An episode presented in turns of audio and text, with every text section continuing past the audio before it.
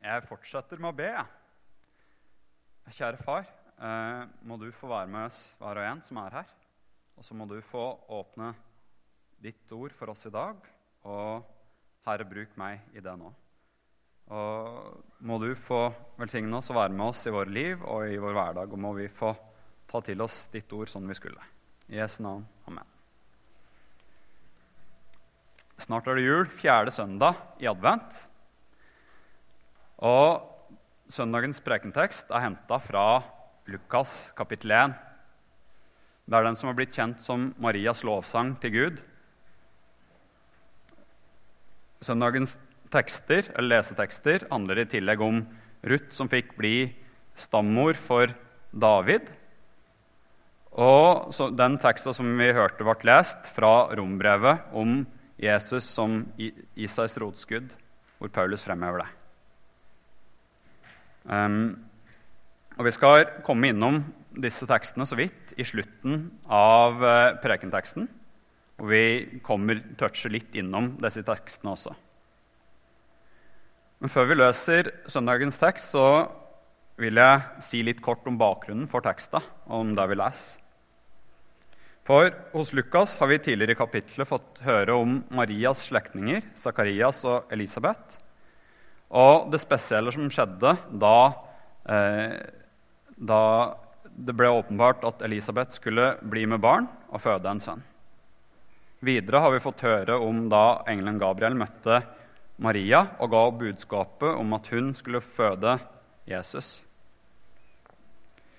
I vår tekst så har Maria akkurat kommet fram til Elisabeth, sin slektning, for å besøke henne. Elisabeth er allerede gravid og har vært gravid ganske lenge. Og da, og da eh, Elisabeth hører Marias hilsen, så hilser hun tilbake, blir fylt av Den hellige ånd og, og priser barnet i Marias mage som sin frelser. Og hun priser også Maria, som var den som fikk tro på Gud og tro på ordet Gud ga henne. Eh, nå som vi kommer til Marias lovsang, så er ikke fokuset Maria, men Maria peker mot Gud og mot det han har gjort. Og hun peker mot det Gud også skal gjøre gjennom, gjennom henne og det verktøyet hun får bli. Da kan vi reise oss mens vi leser søndagens tekst. I Jesu navn. Og Maria sa, Min sjel opphøyer Herren, og min ånd fryder seg i Gud, min frelser. For han har sett til sin tjenerinnes ringhet. For se, fra nå av skal alle slekter prise meg salig, fordi han har gjort store ting mot meg. Han, den mektige, og hellig er hans navn. Hans miskunn er fra slekt til slekt over alle dem som frykter ham. Han gjorde storverk med sin arm. Han spredte dem som var overmodige i sitt hjertes tanker. Han støtte mektige ned av deres troner og opphøyde de små. Hungrende mettet han med gode gaver, men rikfolk sendte han tomhendt bort.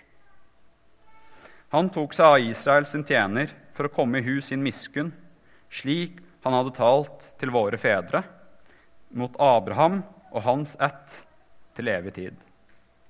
Slik lyder Herrens ord.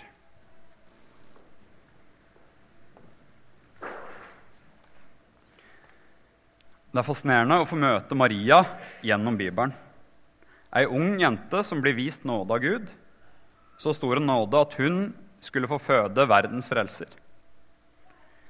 Ei ung jente som trodde Gud og ventet på at han skulle oppfylle sine løfter til Abraham og fedrene. Søndagens tekst er blitt kjent som Marias lovprisning til Gud. Samtidig er teksten sammensatt av ord fra ulike tekster i Det gamle testamentet, det hele igjennom. Og dette viser oss at Maria var fylt av Guds ord. Ja, det var virkelig sånn for hun at det hennes hjerte var fylt av, det, det talte hennes munn om. Jeg har en venn som har vokst opp i en ikke-kristen sammenheng. Og han hadde en ganske radikal vei til det å bli en kristen. Eh, og de gangene jeg har fått be med han, så har det vært sånn at han bruker bibelord i sin bønn. Han gjør Bibelens ord til, til sitt bønnespråk. Og det er veldig spesielt å få, få være med han og få be. Og Sånn ser vi at Maria her er prega av Guds ord. Det flyter over i henne. Eh, og Dette ser vi òg andre i Det nye testamentet som er preget av Guds ord og bruker det sammenvevd i, i sin bønn og i sin forkynnelse. Gjennom de første kapitlene i Lukasevangeliet får vi høre at Maria får flere vitnesbyrd om hvem Jesus skulle være. Det første vitnesbyrdet hun får, er fra, fra engelen som kom med budskapet om at hun skulle få en sønn som skulle kalles Jesus, at han skulle sitte på Davids trone. Men det er også flere ganger. I det neste, eh, neste gangen er i versene forut for vår tekst, hvor eh, Elisabeth Johannes' mor, får, får vitne om hvem Jesus skulle være. Og da Elisabeth ble fylt av Den hellige ånd, kalte hun barnet i, i Marias mage for min herre. Etter at Jesus var født, kom markens gjetere til Maria, og de vitnet, de også. Og det samme skjedde i tempelet da Maria og Josef hadde med seg Jesus for omskjærelse. Da kom, eh, kom Simon og Anna og ga Jesus vitnesbyrd, Jesus vitnesbyrd om hvem han skulle være. Ordene som vi fikk høre i vår tekst i dag, eh, er en direkte respons på hilsenen som, som Elisabeth ga til Maria. Det står i versene forut, hvor det er Elisabeth som taler. Velsignet er du blant kvinner og velsignet er frukten av ditt morsliv. Men hvordan kan det hende at min Herres mor kommer til meg? For se, da lyden av din hilsen nådde mitt øre, sprang barnet i mitt liv av fryd. Salig er hun som trodde, for fullbyrdet skal det bli som er sagt henne av Herren. For en hilsen dem har vært å få for Maria, helt i begynnelsen av sitt svangerskap. Det vi får høre, er kanskje den te teksta vår som vi får høre, er kanskje den teksta som forteller oss mest om troslivet til hun som flikk blir mor for verdens frelser. I de første versene så får vi høre om hva Gud har gjort for Maria, hva den allmektige Gud og hellige Gud har gjort for å se til sin dynge tjenerinne. Det er et personlig vitnesbyrd Maria gir oss her. Og når vi leser versene og hører versene, så får vi inntrykk av at det bruser over i Maria. Hun er fylt av en sterk glede. Hvor er hennes glede? Jo, den er i Gud alene. Og Det kommer også fram en gudsfrykt hos Maria. Hun vet hvem Gud er, at han er hellig og allmektig. Og hun vet at hun har ingenting å by på i møte med Gud. Hun er liten i sine egne øyne, og likevel gjør Gud henne stor. Måtte det bli en bønn for oss at vi får ha vår glede i Gud alene alle våre dager. Måtte vi stadig få se enda dypere inn i hva det vil si at Gud er en hellig Gud. Fra vers 50 så får vi høre hvordan Gud har handlet med de som tror på Han. Han har vært trofast mot, mot disse alltid og vist sin miskunn og bevart dem. Ja, faktisk er det sånn at hadde ikke Gud bevart og, og vist miskunn mot troens folk, så hadde det ikke vært noen kristne i dag. For han er troens opphavsmann og fullender.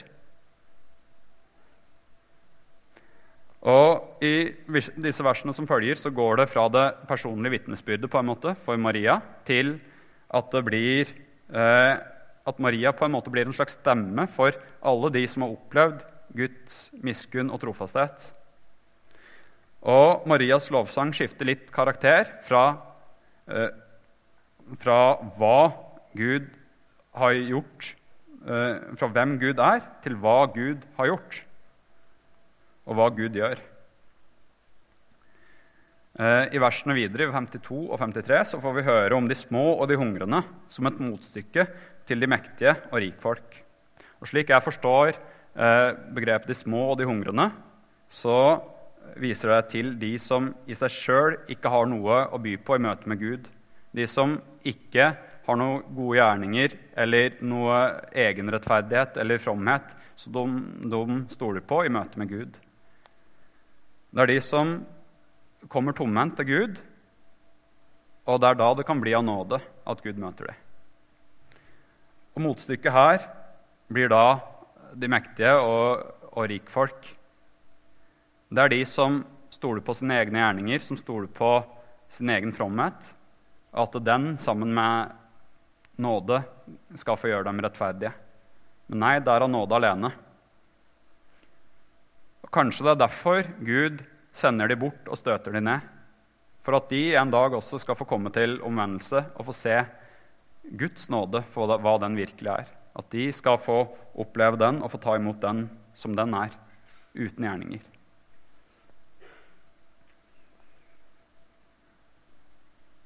For Gud er den som vil vise miskunn og barmhjertighet mot alle mennesker, også mot de som er hovmodige. Ja, så ofte vi kan kjenne på det sjøl i våre hjerter, og så ofte vi kan rose oss sjøl. Så må Gud få vise oss på ny og på ny at vi trenger av Hans nåde, at vi ikke har noe å rose oss av i møte med Gud. Versene viser også tilbake på Maria. Hun var en av de små og de hungrende. Hun tok imot Guds ord til henne og ut ifra hennes ord i denne teksten må hun ikke bare ha kjent til løftene, løftene til fedrene fra Gud. Nei, hun må også ha vært en som har lengta etter dem og hungra etter at Gud skulle innfri sine løfter til fedrene. Hun får det vitnesbyrdet av Elisabeth at hun trodde, og hennes respons på engelens ord er at hun bøyer hodet for Gud og sier, 'Se, jeg er Herrens tjenestekvinne.' Det skjer med meg etter ditt ord. Ja, hun var virkelig en av de små og de hungrende, Maria.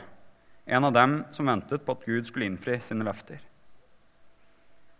I vers 54 og 55 ser vi det enda tydeligere. Da priser hun Gud for at han har kommet til hus i en miskunn. Gud husket på sine løfter til Abraham.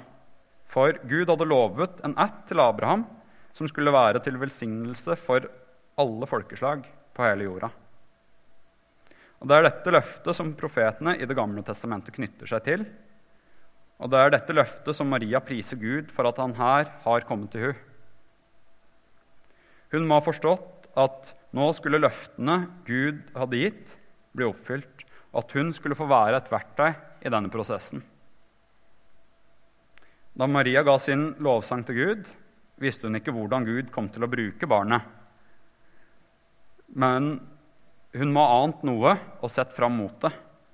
For hun stolte på Guds løfter, de løftene som han hadde gitt i fordoms tid. Og hun priste Gud for, gjøre, for det han skulle gjøre, og hvordan hun skulle bli brukt i det hele. For løftet var til Abraham og hans ett, det løftet fra Gud. Men Gud talte om dette til profetene gjennom hele Det gamle testamentet. Løftet ble på en måte konkretisert for bl.a. Jesaja. I dagens brevtekst, som vi fikk høre, eh, viser Paulus til at det var Jesus som var Isais rotskudd. Det står i Romerne 15,12 følgende. Og igjen sier Jesaja, Isais rotskudd skal komme han som skal stå fram og herske over hedningfolkene. Til ham skal hedningene sette sitt håp. Jesus er oppfyllelsen av løftet til Abraham og den profetene i Det gamle testamentet talte om. Han er jødenes frelser, og han er hedningenes frelser. Ja, han er den som skulle være til velsignelse for alle folkeslag. Slik løftet ble gitt til Abraham. Maria visste som sagt ikke alt som skulle skje, eller hvordan det skulle være med Jesus. Men den tilliten hun hadde til Gud, den, den kommer fram allikevel. Og den er noe som er til å se til for oss. Og barnet hun fødte, var den som skulle frelse verden. Ja, til og med frelste det barnet hun som fødte ham. For det barnet ble til frelse for oss og for Maria. Den andre teksten, leseteksten i dag handler om Ruth, Moabit-kvinnen som ble bestemor for Isai og oldemor for kong David. Hennes historie er verdt å legge merke til. Hun er en av få kvinner som blir nevnt i Jesus' slektsliste i Det nye testamentet.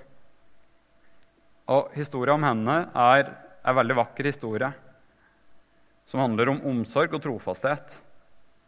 Og Det hele ender i at hun får bli stammor og på det vis også for Jesus. At hun får bli stammor både for David og for Jesus. Og Det er spesielt, og det, det, som er virkelig verdt å legge merke til her, og som er spesielt, er at hun var jo hedning. Hun var av det, et av de folket som var erkefiender til israelsfolket i Det gamle testamentet. Et av de folkene som aldri skulle ha med israelsfolk å gjøre. Og Likevel så fikk hun bli brukt av Gud til, til, et, til å bli stammor for for kong David, og på den måten også for Jesus. Hun trodde Gud og har på en måte blitt et slags forbilde på Maria også. For Gud møtte Ruth med den samme nåden som Maria ble møtt med. Og på den måten så er de også forbilder for oss også, i tro og trofasthet. Og nå vet jeg ikke med dere, men jeg syns det er veldig slående hvordan Gud bruker de mest utenkelige til å være tjenere for seg. Vi får høre om Abraham, som var 100 år og likevel skulle bli far til en stor ett. Vi får høre om Moses, som skulle lede israelsfolket, men som ikke var talefør det grann. Vi får høre om Ruth, som var av hedensk opphav. Og vi får høre om Maria, som var ei helt ung jente fra en fattig familie. Ja, gjennom kirkehistoria så er det sånn at det virker som at Gud bruker de mest utenkelige av og til til å være redskap og verktøy for han. Jeg vil dele med dere ei historie fra et sted jeg fikk være et halvt år, på Madagaskar. Der så fikk jeg være et halvt år og fikk se litt av hva den lutherske kirka gjør der, og hvordan de arbeider. Da jeg kom til Madagaskar, så fikk jeg snart høre om ei kvinne som ble kalt Nenilava. Nenilava det betyr 'lange mor'. Hun kom fra en bitte liten landsby og eh, var vokst opp som en ikke-kristen. Men allerede som veldig ung så fikk hun ta imot Jesus som sin frelser. Men Nenilava hun kunne verken lese skrive, eller skrive. Hun var veldig sky av seg. Hun var med et kor i kirka, blir det fortalt. Men hun var den som sto bakerst og holdt lys, sånn at de andre kunne få se teksta. Hun gjemte seg unna og, og var ikke en som fremhevet seg sjøl i det hele tatt. Og av mange ble hun nok sett på som litt enkel. Men det var jo flott, for hun var gift med en veldig flott og ung, ung og flott kateket der på Madagaskar. Så var det en dag at Nenelava hun hun hadde et barn som var dødssjukt. Og i sin nød, da hun holdt barnet, så kom det for henne at hun skulle be til Gud om at det måtte få bli friskt. Og hun ba, og det var nesten som at momentant så ble barnet friskt. Og dette skjedde jo midt i landsbyen, og, og folk fikk det med seg. Det var umulig å ikke få med seg. Og med det så, så trakk folk hun Nenny Lao til seg og ville ha henne fram for å vitne om det som hadde skjedd. og vitne om Gud. Og hun ble dratt overalt. Men Nenny Lava hun ville absolutt ikke. Hun hadde ingen ønske om å havne i en slik posisjon, og hun hadde heller ikke evnene for det. Men allikevel så ble hun etter hvert mer eller mindre tvingt til å, til å vitne. Og det var slik at hver gang hun åpna munnen omtrent og evangeliserte og vitnet, så, så, skjedde det noe. Hun delte det enkle budskapet om Jesus, som var død og oppstanden, og var til frelse for alle folk. Ikke noe avanserte greier, men hun vitna om, om behovet for omvendelse og liv ved troa på Jesus. Og det hele starta alltid med hun, for hun var den som så at hun var liten, at hun virkelig trengte av Guds nåde. Og det brøt ut vekkelser, en av mange sterke vekkelsesbevegelser som har vært på Madagaskar. Hvor hun, som en person som var veldig utenkelig at skulle bli brukt til noe sånt, fikk stå i ledelsen for dette. Sjøl var hun en av de som trakk seg mest mulig tilbake. Hun var en sjelesørger, slik misjonærene forteller det, først og fremst. Men Gud fikk bruke hun til, og flere til å starte en vekkelse som har nådd mange. Den lutherske kirka på Madagaskar i dag har om lag fire millioner medlemmer. Og alle, alle vet veldig godt hvem Neni Lava var. Hun døde på midten av 90-tallet og fikk gjennom en 50-60 år få være til stor forskjell for mange mennesker. Så er det som at Gud av og til gjør det sånn at han bruker det som i menneskeøyne ikke er noe som helst. Det fantes sikkert bedre kandidater for Nenilava eller for Maria eller for Ruth. Men idet Gud bruker de som var mest utenkelige, så er det som at han blir større i det hele.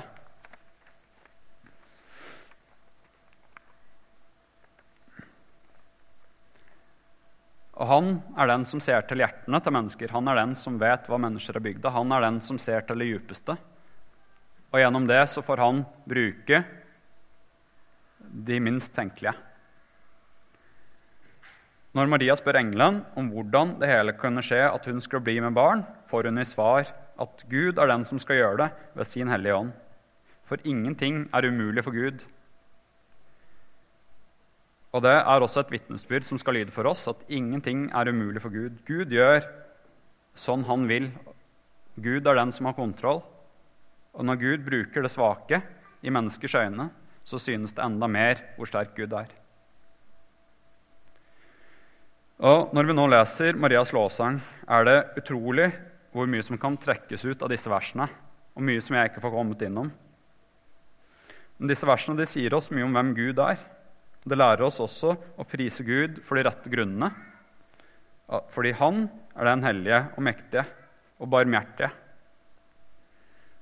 At Han er trofast mot sine løfter. Og så sammen med eh, med både teksta om Ruth og teksta fra rombrevet, så peker denne teksta mot noe annet, og den peker også mot Jesus og hvem Jesus skulle være. For vi lærer, og vi tror, at Bibelen lærer oss at Jesus var sann Gud og sant menneske. At Gud kom til jord som menneske i kjøtt og blod, akkurat som meg og deg.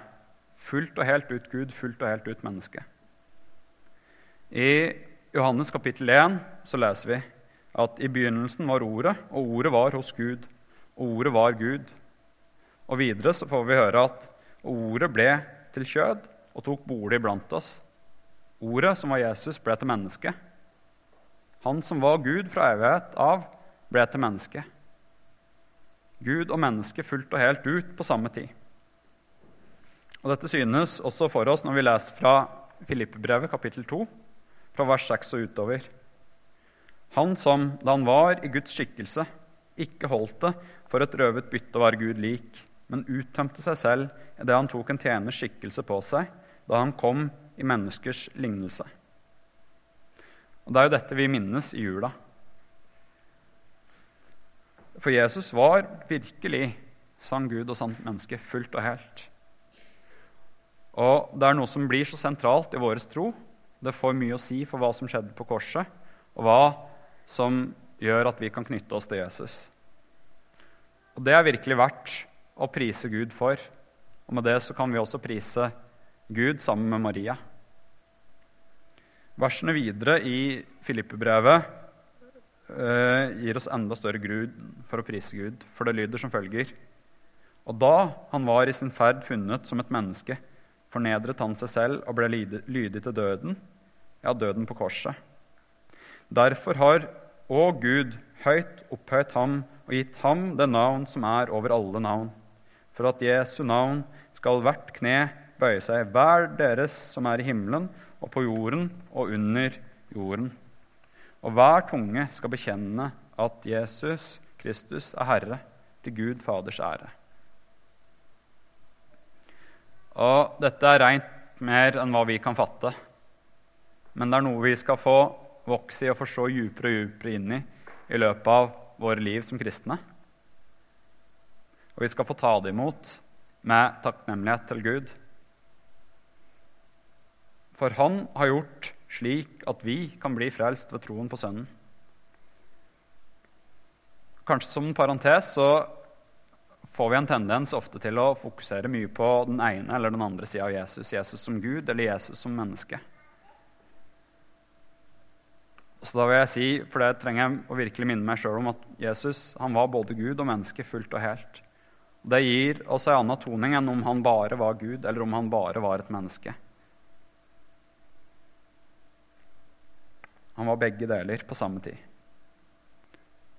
Når vi nå ser mot jul, så trenger vi å hjelpe hverandre til å løfte blikket mot hva jul faktisk handler om.